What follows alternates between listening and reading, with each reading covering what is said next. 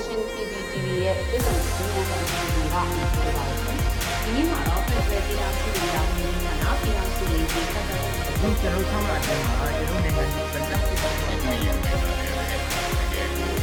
အဲဒါမျိုးကျွန်တော်တို့ NHS ဆေးရဖွဲ့နေတယ်ဒီခေတ်ကြီးအစီအစဉ်ပွဲမှာဆိုရင်တို့ချက်တော့တိုက်ပြီးတယ်ဒီကြတိစစ်ဖိတ်ကြလို့ငယ်ဆိုတော့ကျွန်တော်တို့ပြန်ပြီးတော့ကျွမ်းသာအတော်ပေါင်းတော့စစ်ဆိုးအောင်ကြားတယ် တော့တယ်ကြားတယ်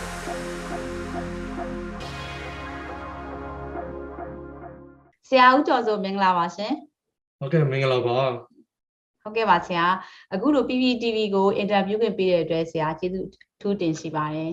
။အမျိုးသားညွေရေးအဖွဲ့အစည်းဖွဲ့စည်းတာတစ်နှစ်ပြည့်တဲ့နေ့မှာပဲဆရာကိုသမရယုံကပြောရေးဆိုခွင့်ရှိသူအဖြစ်အခန့်အပ်လိုက်တာတွေ့ရပါတယ်ရှင်။အဲဒီတော့ဆရာကိုလေပထမဆုံးအနေနဲ့မေးချင်တဲ့မိကွန်းလေးကတော့ဆရာရဲ့နိုင်ငံရေးဖြတ်သန်းမှုနဲ့ အခုလို NUG သမရပြောရေးဆိုခွင့်ရှိသူအဖြစ်တာဝန်ယူဖြစ်ပုံကိုပြည်သူတွေသိအောင်ပြပြပေးပါအောင်ဆရာဟုတ်ကဲ့ကျေးဇူးပါဟောကျွန်တော်နိုင်ငံရေးဖြတ်သန်းမှုဆိုတော့ကျွန်တော်နိုင်ငံရေးသမားလည်းမဟုတ်ပါဘူးကျွန်တော်ကပြည်သူတွေကပြည်သူတယောက်ပါခင်ဗျဆိုတော့ပြည်သူတွေကပြည်သူတယောက်အတိုင်းပဲဒီစစ်အာဏာရှင်စနစ်အဆက်ဆက်မှာအပိနှိတ်ခံခဲ့ရတာကိုမကျေနပ်ခဲ့ဘူးဟောအခွင့်အခွင့်ရတယ်လို့လည်းတော်လှန်ခဲ့ကြတယ်ပြည်သူတွေတော်လှန်ခဲ့တယ်လို့ပဲ အဲ့လိုမှပါခဲ့ကြပါခဲ့ပါတယ်တော့88နောက်ပိုင်းမှာဒီပေါက်မှာပညာဆက်တင်ပါတယ်ပညာဆက်တင်တယ်ပြီးတော့ဟိုအလောက်ကန်လည်းလုပ်ပါတယ်ပြီးတော့မြန်မာနိုင်ငံကိုလည်းစဉ်ဆက်မပြတ်ဆက်လက်ဆောင်ရွက်ကူညီခဲ့တယ်နောက်ပြီးတော့ဒီတွင်းမှာဟိုဘယ်လိုပြောမလဲဆိုတော့ဟိုတွားလိုက်လာလိုက်ပေါ့နော်တွားလိုက်လာလိုက်လုပ်လုပ်ကန်ခဲ့တယ်ဆောင်ရွက်တယ်နောက်နောက်ပြီးတော့ကျွန်တော်အနေနဲ့လည်းအတိုင်းအတာတစ်ခုထိလည်းဟို professionally ကျွန်တော်ကျွန်တော်ဆိုရင်နိုင်ငံတကာအဖွဲ့အစည်းတွေမှာဒီ senior management အနေနဲ့လုပ်ပါတယ်လောက်ကင်ဆောင်ရွက်ပါတယ်နောက်အဲ့ဒီတစ်ချိန်တည်းမှာလည်းကျွန်တော် democracy အင်အားစုတွေမှာလည်းရှေ့ထိဆက်ပြီးတော့ဆောင်ရွက်ခဲ့တယ်ဆောင်ရွက်အတွက်ဆောင်ရွက်နေတယ်အများတန်းလည်းလုပ်ခဲ့ပါတယ်အများတန်းလည်းနောက်တန်းကလုပ်တာပါဆိုတော့ပြည်သူခုနကတော့ပြောတော့ပြည်သူတွေကပြည်သူတယောက်အနေနဲ့ပါဆိုတော့ကျွန်တော်တို့မြန်မာနိုင်ငံမှာ စေအာနာရှင်စနစ်က1962ခုနှစ်ကစပြီးတရားဝင်ရှိလာခဲ့တာကျွန်တော်တို့ရဲ့ generation ကျွန်တော်တို့အဖေအမေ generation တွေကနေစလာခဲ့တယ်ကျွန်တော် generation မှာကြတော့88ဆိုတော့ရေခင်အကြီးပေါ်တယ်ဒီမတိုင်ခင်ကလည်းဒီမခံမရနိုင်တဲ့အထူးသဖြင့်ចောင်းသားလူငယ်တွေကနေပြီးတော့ဥဆောင်တဲ့စန့်ကျင်ပွဲတွေဖြစ်တယ်အများတန်းရရဆက်ဆက်အဖိနှိတ်ခံခဲ့ရတယ်ကျွန်တော်တို့မျက်မြင်ကိုယ်တွေ့ကြုံခဲ့တာကြတော့88ဆိုတဲ့ဟာပေါ့နော် ဆိုတော့အဲ့ဒီမှာဒီဒီစစ်အာဏာရှင်စနစ်ရဲ့ရက်ဆက်ကြမ်းကြုတ်တဲ့ဟာမြို့ပုံမှာပြည်သူတွေကျွန်တော်တို့ကလည်းမြို့ပေါ်ပြည်သူတွေဖြစ်တဲ့အခါမျက်မြင်ကြုံတွေ့ခဲ့တယ်အဲ့မှာဘယ်တော့ရက်ဆက်ကြမ်းကြုတ်လဲဆိုတော့သိခဲ့ကြတာပေါ့အဲ့မှာလည်းမျိုးမျိုးအကြောင်းမျိုးမျိုးနဲ့တော့မျိုးမျိုးဆက်လက်ပြီးတော့တိုက်ပွဲဝင်ခဲ့ကြတယ်နောက်ပိုင်းမှာဒီစက္ကူမကုကာလဖြစ်ခဲ့တယ်ကျွန်တော်တို့အကုန်လုံးဝင်တာခဲ့ကြတယ်ကြော်ခဲ့ကြတယ်ဆိုတော့ဟိုရွေးကောက်ပွဲ2008 ဖွဲ့စည်းပုံမကြိုက်ပေမဲ့လည်း2008ဖွဲ့စည်းပုံလက်အောက်ကနေပြီးတော့ရွေးကောက်ပွဲဖြစ်လာခဲ့ပြီးတော့ကျွန်တော်တို့ရဲ့ပြည်သူ့အစိုးရကိုဖွဲ့စည်းနိုင်ခဲ့တယ်အားလုံးတို့ကတော့တိုင်းပြည်တိုင်းပြည်ရောက်မှန်ကန်တဲ့လမ်းကြောင်းကိုရောက်နေပြီတကယ်လည်းမှန်ကန်ခဲ့ပါတယ်မပြည့်စုံခဲ့ပေမဲ့လည်းတိုင်းပြည်မှာပြည်သူလူထုတွေအထိုက်အလျောက်လွတ်မြောက်မှုရှိခဲ့တယ်အောင်မြင်မှုတွေရခဲ့ကြတယ်နောက်ပြီးစီးပွားရေးအသီးပွင့်တွေလည်းခံစားခဲ့ကြတယ်ပညာရေးအသီးပွင့်လေးတွေလည်းစပြီးတော့မြင်မြင်အောင်ခဲ့ပြီးတော့ဟို ကြုံတွေ့ခဲ့ကြတယ်ဆိုတော့အဲ့ဒီလမ်းကြောင်းမှာရောက်နေတာမှာကျွန်တော်တို့အနေနဲ့ဆက်ပြီးတော့ဒီမိုကရေစီအပြည့်အဝရဖို့မြန်မာနိုင်ငံမှာပြန်လည်ဒီ national reconciliation ဆိုတဲ့ဟာဖြစ်ဖို့တိုင်းရင်းသားတွေနဲ့ယုံကြည်မှုတည်ဆောက်ဖို့လမ်းကြောင်းကကျမ်းပြီမဲ့လမ်းကြောင်းမှရောက်နေတဲ့အချိန်မှာဒီမိကြတဲ့နှစ် February ရက်နေ့မှာစစ်တပ်ကတခါအာဏာသိမ်းတာကြုံခဲ့ရတယ်နော်ဆိုတော့ ကိုရိုးတွေအားလုံးကတော့တိုင်းပြည်ဖွံ့ဖြိုးတိုးတက်ဖို့အတွက်အားလုံးဝိုင်းဝန်းပြီးတော့ဆောင်ရွက်ဖို့အားတန်နေလှုပ်လဲလှုပ်ကင်နေကြတဲ့အချိန်မှာအဲ့လိုဖြစ်တော့ပြည်သူတွေအထူးဖြင့်လူငယ်လေးတွေ generation Z တွေကနေပြီးမခံမရနိုင်ဖြစ်ဆိုတော့တိုင်းပြည်မှာနောက်တစ်ခါပြန်ကြုံတွေ့ခဲ့တာ88တဲ့ပို့ပြီးတော့ကျင်းထန်တဲ့လူထုအောင်ကြွားမှုပေါ့နော်ဒီတိုင်းပြည်လုံးငင်းကြောင်းစွာဆန္ဒပြခဲ့ကြတယ်အလွာပေါင်းစုံကပါခဲ့ကြတယ်အသက်ပေါင်းစုံ ကလေးအားစလူကြီးအထိပြီးတော့ခါမှတစ်ခါအရင်ထက်ပိုပြီးရက်ဆက်ကြမ်းကြုတ်တဲ့ဖိနှိပ်မှုတကဘာလုံးဝမြန်မာနိုင်ငံတွေမှာကတကဘာလုံးဝမြင်တွေ့ခဲ့ကြပြီပေါ့အခုတော့အားလုံးပြည်တဲ့အတိုင်းဒေါ်လန်ခုခံတဲ့အနေအထားကိုကြောက်လာခဲ့ resistant forces တွေပေါ့ဆိုတော့ကျွန်တော်အနေနဲ့ကတော့ဘယ်တော့မှပြန်ပြီးကောက်မယ်ဆိုဘာနိုင်ငံနိုင်ငံရေး background ပဲလို့လဲဆိုဘာနိုင်ငံရေး background တော့မရှိပါဘူးပြည်သူတွေကပြည်သူတယောက်ပါအဲ့ဒီခါမှာဒီမျိုးကြုံတွေ့တဲ့ခါကျ ဒီလူငယ်လေးတွေလို့အားလုံးအများပြည်သူလိုပဲကိုယ်အနေနဲ့တက်တက်နိုင်တဲ့ဘက်ကနေပြီးတော့ဝိုင်းဝန်းပြီးတော့မြန်မာနိုင်ငံမှာအားလုံးတူတွေငြိမ်းချမ်းရေးနဲ့ဒါကိုဒါဝတ်ပုံကြီးရောက်ပြီး federal democracy ဖြစ်ဖို့အတွက်ဆိုတဲ့ခံကဏ္ဍလုပ်ဖို့အတွက်ကျွန်တော်နိုင်ငံတော်သမ္မတယုံမှာကျွန်တော်ကူညီဆောင်ရွက်ပေးခဲ့ပေးနေခဲ့ပါတယ်စပြီးတော့ဆောင်ရွက်ပေးခဲ့ယာယီသမ္မတကြီးယုံမှာတာဝန်ကြတဲ့ပေးတဲ့တာဝန်ကိုယူပြီးတော့လုပ်နေခဲ့ပါတယ်ဆိုတော့အဲ့ဒါကျွန်တော် background လေးပါ ဟုတ်ကဲ့ပါဆရာကျေးဇူးအများကြီးတင်ပါတယ်ဆရာနောက်ထပ်မေးခွန်းလေးခုလေးတစ်ခုမေးချင်ပါတယ်ဆရာဆရာကိုဆရာကိုခန့်အပ်တာဝန်ပေးထားတဲ့စာထဲမှာသူပြည်သူလူထုနဲ့နိုင်ငံတကာအတိုင်းဝိုင်းတို့နဲ့ပိုပိုမိုချိတ်ဆက်ကအချိန်နဲ့တပြေးညီသတင်းစကားပေးနိုင်ရန်အတွက်ဆိုပြီးတော့ရေးထားတာတွေ့ရပါတယ်ဆရာဆိုအဲ့ဒီတော့ဆရာအနေနဲ့ဒီတာဝန်ကိုကျေပွန်စေဖို့အတွက်ဒီ NUG နဲ့ပြည်သူအကြား ဒီ NUG နဲ့နိုင်ငံတကာအတိုင်းဝိုင်းကြားမှာပုံမအားကောင်းတဲ့ချိတ်ဆက်မှုတွေရရှိစေဖို့အတွက်ဆရာဘာတွေများပြင်ဆင်လုပ်ဆောင်ကောင်းမှာဖြစ်ပါလဲဆရာဟုတ်ကဲ့ကျေးဇူးပါဟိုပေါ့တော့ဘယ်အလုပ်မျိုးဆိုပဲဒီနိုင်ငံရေးမှတွေမဟုတ်ပါဘူးတော်လှန်ရေးမှတွေမဟုတ်ပါဘူးဒီစီးပွားရေးလုပ်ငန်းပဲဖြစ်ဖြစ်ဘာအလုပ်မဆိုဒီ communication ပေါ့နော် communication အရေးအကြီးဆုံးကဏ္ဍတစ်ခုပါဘာလို့လဲဆိုတော့အပြစ်မှန်ကို ကိုယ့်ရဲ့ stakeholder ဟိုစီးပွားရေးသမားဆိုရင်လည်းကိုယ့်ရဲ့ client တွေသိဖို့အပြစ်မှန်ကိုသိဖို့လောက်ကတဲ့သတင်းမှန်ပေးဖို့အဲ့ဒါကြီးအရေးကြီးပါတယ်တော့အဖွဲ့အစည်းတစ်ခုဆိုရင်လည်းအဲ့ဒီတိုင်းပဲနောက်အစိုးရတစ်ဖွဲ့အနေနဲ့ဆိုလည်းအရန်ရေးကြီးပါတယ် stakeholder ဆိုရင်အစိုးရအဖွဲ့တွေရဲ့ stakeholder ဆိုတော့ပြည်သူလူထုပါအရေးကြီးဆုံးပါပြီးတော့ကိုယ်ဝမ်းဝန်းဝမ်းရံပေးနေတဲ့မိတ်ဆွေတွေဒီတွင်ဒီပါမိတ်ဆွေတွေနိုင်ငံတွေရှိမယ်အဖွဲ့အစည်းတွေရှိတယ် သူတို့နဲ့ချိတ်ဆက်နေဖို့ကအများကြီးအရေးကြီးပါတယ်နောက်ပြီးတော့မမှန်တဲ့စကားတွေမမှန်တဲ့ information တွေမဟုတ်ပဲနဲ့မှန်ကန်တဲ့အဖြစ်မှန်တွေပြောခြင်းအပြင်ဒီမှာလုပ်နေတဲ့အလုပ်ခံအောင်မြင်ဒီပုဂ္ဂလိကလုပ်ငန်းပဲဖြစ်ဖြစ်စီးပွားရေးလုပ်ငန်းပဲဖြစ်ဖြစ်စီးပွားရေးမှာဆိုအောင်မြင်အစိုးရအဖွဲ့အနေနဲ့ဆိုရင်အစိုးရအဖွဲ့လုပ်ငန်းဆောင်တာတွေအောင်မြင်ဆိုတော့အဲ့ဒီအတွက်ကအရေးကြီးဆုံးကဏ္ဍတစ်ခုလို့ဖြစ်ပါတယ်နောက်ပြီးတော့မဟုတ်တာပြောနေရင်လူကလည်းယုံကြည်တာမဟုတ်ဘူးပေါ့နော် သိကြပါလေမဟုတ်တာပြောနေတယ်ဆိုတော့ခါသားတွေလုပ်နေကြတယ်ဆိုတော့ဒီကျွန်တော်တို့ဟို NUG အစိုးရကြတော့ကျွန်တော်တို့ဖွဲ့ဖွဲ့မှာဒီ communication ကိုအားစိုက်ပြီးတော့လုပ်ဖို့အားအားနေခဲ့တဲ့ခံကဏ္ဍလည်းရှိခဲ့ပါတက်နိုင်တဲ့အပိုင်းတွေကလုပ်နေကြတယ်အခုချိန်မှာကျတော့ဒီ communication မဟာဗျူဟာ strategy ချပြီးတော့စပြီးတော့လုပ်ကြတယ်ပေါ့နော်ဒီ cabinet ဆုံးဖြတ်ရကျွန်တော်က public relation committee ဆိုပြီးတော့ ဖွဲ့ထားတာရှိပါတယ် public relation committee မှာဆိုရင်ဝန်ကြီးတွေလည်းပါပါတယ်တက်ဟိုတက်ကျွမ်းတဲ့ပညာရှင်တွေအပြင်အပုဂ္ဂိုလ်တွေလည်းပါပါတယ်။ဘာလဲဆိုတော့ဒီအစိုးရအဖွဲ့ကချပေးထားတဲ့လမ်းညွှန်ချက်အတိုင်းမဟာဗျူဟာကြကြနဲ့ဘယ်လိုလုပ်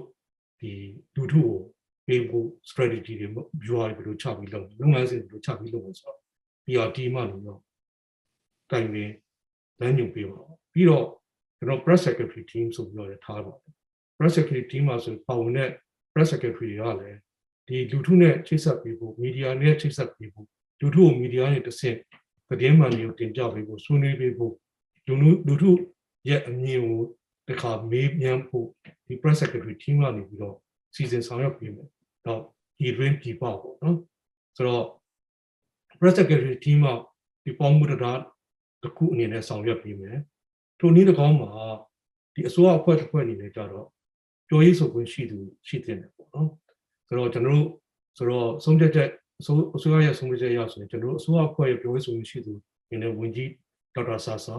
ရှိပါတယ်။နောက်ဝန်ကြီးဦးထင်လင်းအောင်ရှိပါတယ်။ဆိုတော့သူတို့မျိုးကအစိုးရအဖွဲ့ရဲ့ပြောရေးဆိုခွင့်ရှိသူနဲ့တာဝန်ယူပြီးဆောင်ရွက်ဖြစ်ပါတယ်။ဒါဝန်ကြီးဌာနတွေရဲ့ဝန်ကြီးတွေဒုဝန်ကြီးတွေကလည်းသူတို့ရဲ့ဝန်ကြီးဌာနအလှည့်အလျောက် ပြောရေးဆိုခွင့်ရှိသူပေါ့ကိုယ့်ရဲ့ဝန်ကြီးဌာနအတွက်မေးလာတာမြန်လာတာ information တွေပေးမှလူထုနဲ့ဆက်သွယ်တာတွေကဆက်ရှိနေမှာပဲဒီပါမိတ်ဆွေနဲ့လုပ်နေတာဆက်ရှိနေပါဒီအစိုးရအဖွဲ့ပြောရေးဆိုခွင့်ရှိသူဦးကတော့အစိုးရအဖွဲ့ကိုစားပြည်သူလူထုနဲ့တော့လည်းကောင်းဒီပါမိတ်ဆွေနိုင်ငံတွေနဲ့တော့လည်းကောင်းဒီဆက်ဆံနေမယ်ပြောဆိုနေမယ်တော့အဲ့ဒီကထိတွေ့နေတယ်တော့သမဏနိုင်ငံတော်သမဏယုံနေတယ်ယာယီသမဏကြီးရတယ်သူကလည်းဒီ communication သူက အရေးကြီးတယ်ဆိုလက်ခံတယ်သူ့အနေနဲ့ဒီမှာသမဏသမဏလှုပ်ဆောင်နေတဲ့အတွက်အချက်လက်တွေကိုပြည်သူလူထုကိုတင်ပြဖို့ရ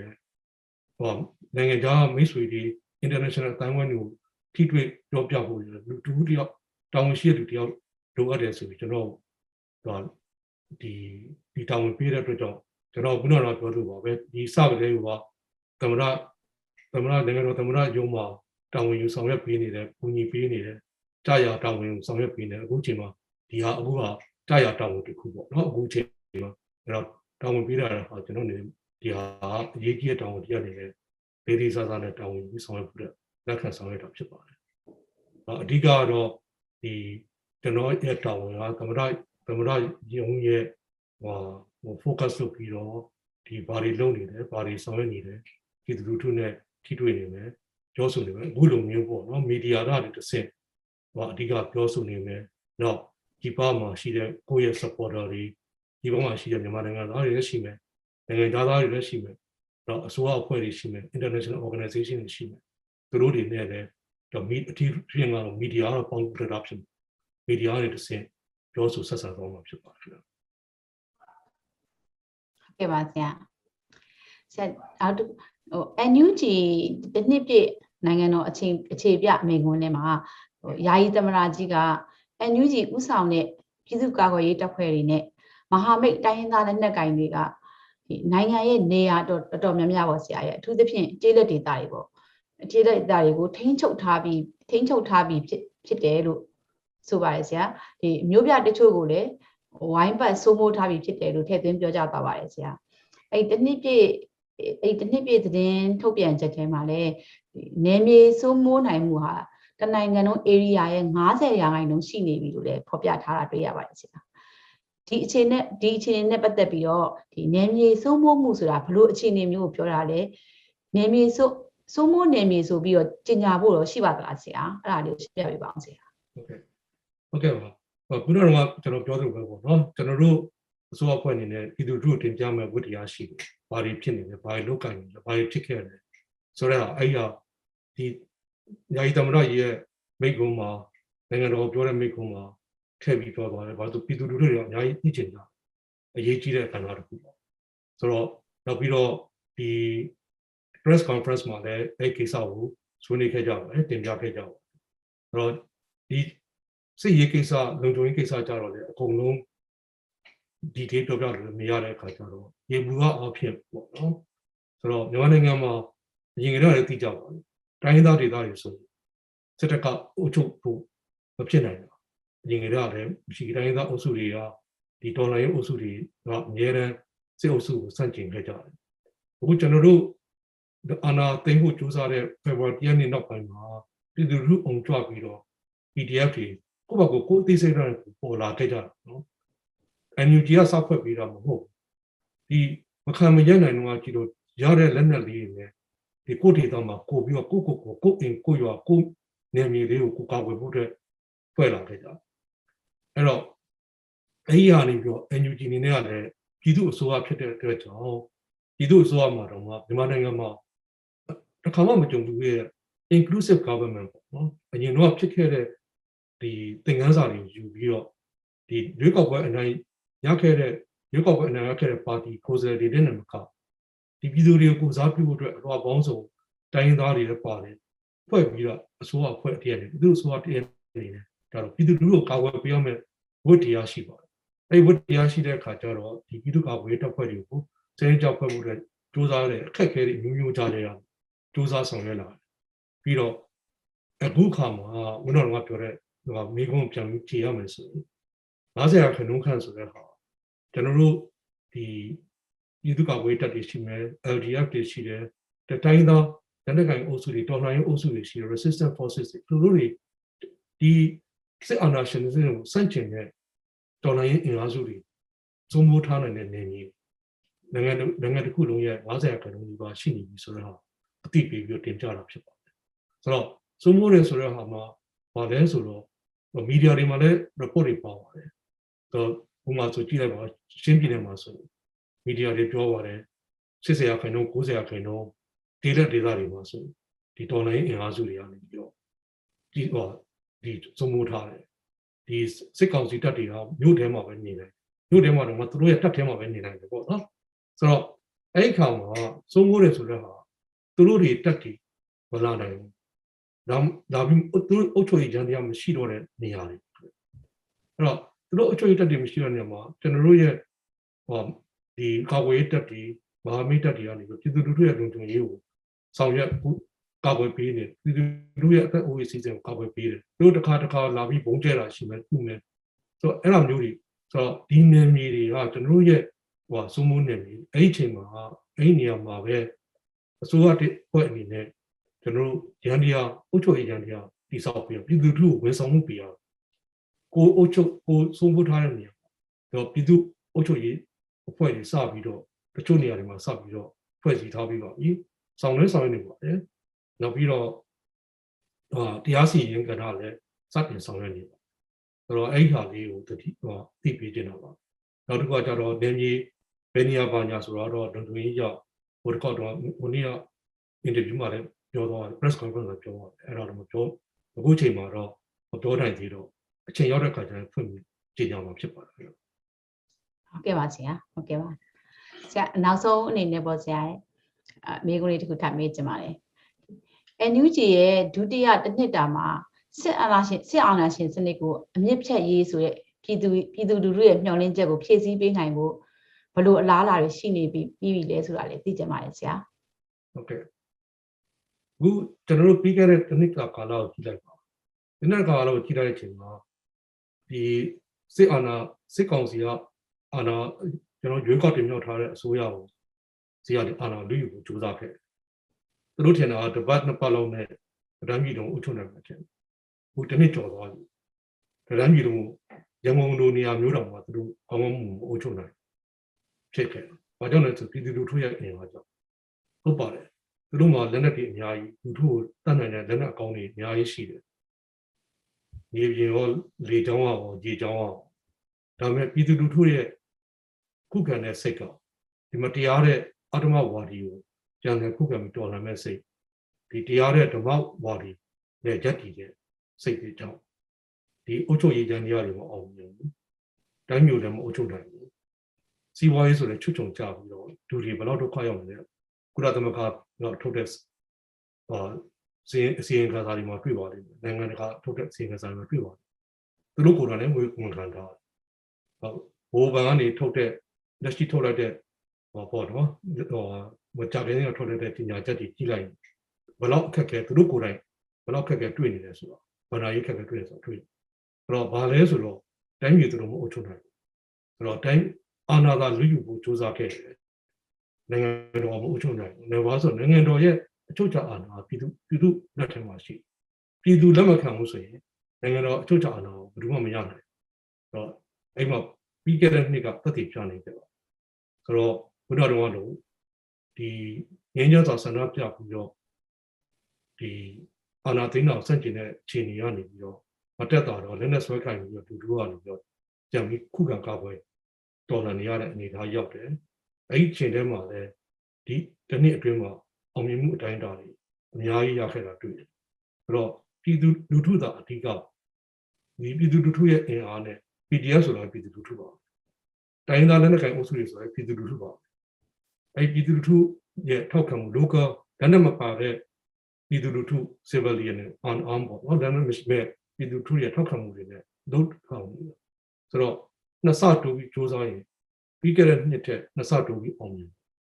ဆိုတော့အောင်မြင်မှုအကြီးပွင့်ကိုဘာကြောင့်တွေ့မလဲဆိုတော့ဒီသမဏရေးမိတ်ကုန်းမှာလည်းပြောသွားတဲ့အတိုင်းချက်ပို့ပြီးစူးစမ်းကြညများစူးစမ်းတယ်နှစ်ဆနှစ်ဆစူးလိုက် ထောက်ခံတော့ဒီတက်ဝန်းဝင်တော့နှစ်ဆတူစူးစမ်းလိုက်နှစ်ဆတူအောင်မြင်သွားရင်ပြီးခဲ့တဲ့နှစ်က90ရာခိုင်နှုန်းနီးပါးကိုစုံမှုထားနိုင်ပြီနှစ်ဆတူပြီးစူးစမ်းလိုက်ဒီနှစ်မှာဘယ်လောက်ရောက်လဲဆိုတော့သင်္ချာနီးရအတွက်ကြည့်လိုက်လည်းရပါဘူးဆိုတော့အောင်မြင်မှုအသေးပွင့်ကမကြခင်အခုလည်းတွေ့တွေ့လည်းတွေ့နေပါပြီနေတာလည်းတွေ့နေပါတယ်အခက်ခဲတွေကလည်းနေ့တိုင်းကြုံတွေ့နေတာအခက်ခဲကတော့ရှိမှတေးကြပါတယ်ဆိုတော့အခက်ခဲတွေဂျာတွေကနေပြီးတော့ ဒီစိတ်ဓာတ်မကြဘဲနဲ့ဇက်တိုက်လုတ်ကောင်းမယ်ဆိုရင်ဒီအထီးပွင့်ပုံမှုကြီးမားတဲ့ပုံမှုအောင်မြင်တဲ့အထီးပွင့်တွေတွေ့မှာဆိုတော့ဒီမြေကြီးလက်ကမလို့ပဲပေါ့ဘူးလို့ချုံကြည့်ပါတယ်ပြပါဆရာအခုလိုချစ်ကြားပေးရတဲ့ PPTV ကနေပြီးအများကြီးကျေးဇူးတင်ပါတယ်ဆရာကျေးဇူးထူးတင်ပါတယ်ဟုတ်ကဲ့ကျေးဇူးအများကြီးတင်ပါတယ်ဟုတ်ကဲ့ပါဆရာဟုတ်ကဲ့